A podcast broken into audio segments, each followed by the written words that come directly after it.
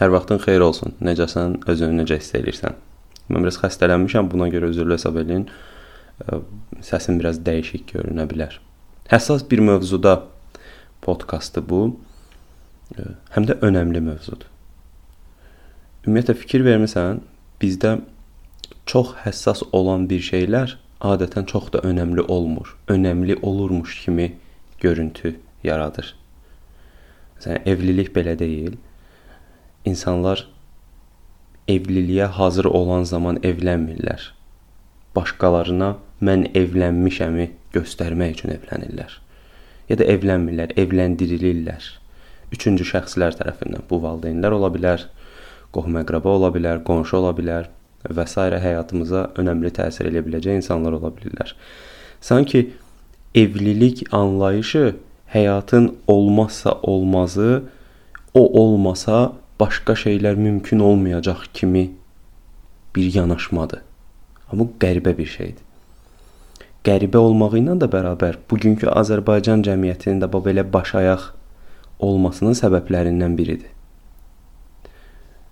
Müxtəlif məsələlər var. Məsəl üçün mental qəliblər deyirik də biz buna. Məsəl üçün kişi vaxtında evlənməlidir. Qızın evlənmədisə, vaxtı keçdisə evdə qaldı ümumiyyətlə qız evdar olmalıdır, qadın olmalıdır, uşaqlarına baxmalıdır, ana olmalıdır, kişi ata olmalıdır və s. bu kimi mental qəliblər insanın beyninə o qədər yüklənir ki, biz təhsil almaq yox, evlənməyi həyat tərzi olaraq götürürük. Evlilik anlayışım mənim üçün bir cümlə ilə ifadə etsəm, bu hər hansı bir öhdəlik deyil evlənmək iki bir-birini istəyən şəxsin həyatlarını bir yerdə davam etdirmələrinə qərar verməsidir. Və sən qərar verəndən sonra evlənirsən. Vəssalam. Görücü üsulu, gördüm, seçdim, tapdım, təsadüfən gördüm, diskdən bəyəndim, ondan bundan eşitdim və s. və s. kimi ifadələr evlilik anlayışında problemlər yaradır. İstisnalar ola bilər. Tutaq ki, mental qəliblərdə belə bir şeylər var da məsələn tanış olmuşduq. Evlənmə evlənəndə onu sevməmişdim, sonradan sevməyə başladım. Və yaxud çox sevirdim, sonra ayrıldım. Və yaxud ona nifrət eləyirdim, amma evliliyimiz uğurlu oldu. Tamam, bu hallar baş verə bilər. Əla, super. Amma evlilik anlayışı e, istisnalara, təsadüflərə, tutar qatıq tutmaz ayıran prinsiplərinə əsaslanmır da. Burada məntiq daha çox ortaya çıxır. Çünki mən həmişə belə bir söz deyirəm ki, sevginin resepti yoxdur, amma münasibətin var. E, məsələn ki, sevdiyin bir yemək var, deyək ki, dolma olsun. Sən onu çox sevirsən.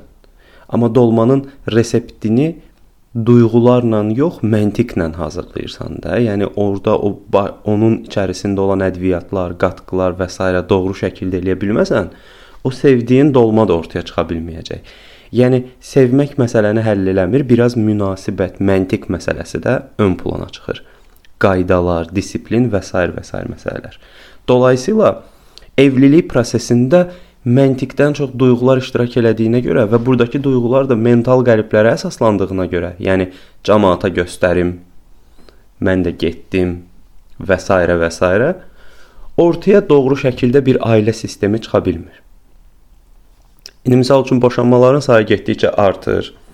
İnsanların fikirləri, düşüncə tərzləri, həyat tərzləri dəyişməyə başlayır və belə olan halda günahlandırmanı ən çox kimlər çəkir? Yeni nəsillər, gənclər.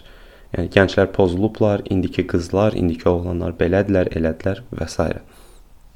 Yəni evlənməyən insanın əxlaqsız kimi də göstərə bilən bir məqamlar var ki, Görəsən niyə evlənmir? Görəsən nə problemi var? Görəsən niyə belə oldu? və s. Yəni əslində fikir verirsiniz, məsələ e, şəxsi həyatdan e, çıxmır, məişətdən çıxmır. İnsanların şəxsi həyatlarını qurcalamaq, məişətdə onları narahat eləmək e, kütlənin Azərbaycan xalqının sevimli ənənəsidir. Bunu çox xoşlayır insanlar. Məsələ budur təkrar-təkrar dediyim ifadələr var. Toy ənənəsi bizim üçün çox önəmlidir. Ona görə toylarımız şadlıq saraylarında keçirilir. Acından ölürsən, amma o gedib sarayı tutacaqsan. Çünki fikirləşsən ki, onsuz da gəlib pul atacaqlar, pulu yığacam da. Amma təhsil prosesində can çəkir adam, düşünmək istəmir, bezdiricidir, sıxıcıdır və s. və s. Məsələ budur. Yəni evlilik məcburiyyət, zorla getməlisən, şiddətlə tövsiyə edilən bir şey deyil. Başda dediyim kimi iki adamın həyatını bir yerdə birlikdə davam etdirməsinə qərar verməsidir. Bu evlilik bir prosesdir və bu məntiq üzərində qurulur. Məsələ bu bu qədər sadədir. Bu məcburiyyət deyil. Ona görə evlənməyə hazırlaşmaq yox, düşünməyə, inkişaf eləməyə, öz ayaqlarının üzərində durmağa hazırlaşmaq lazımdır. Mən düşünürəm ki, kişi və qadın balansı mütləq şəkildə olmalıdır.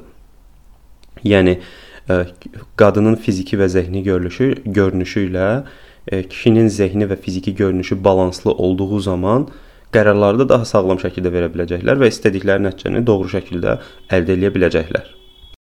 Yoxsa ömrüm boyu ağatlı şahzadə gözləmək ya da ki bir qız axtarırammı gözləmək mənasızdır. Yəni həyat bu qədər bu kiçik şeylərə görə belə bir dərd edəcək dərd etməyə dəyər bir şey deyil.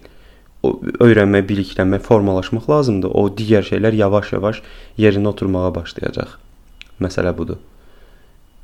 Duyğularla hərəkət eləyirik, tamam, amma analiz eləyəndə, plan quranda, düşünəndə məntiq bizə daha çox kömək ola bilər. Belə, mənim evliliklə bağlı fikirlərim bu qədər.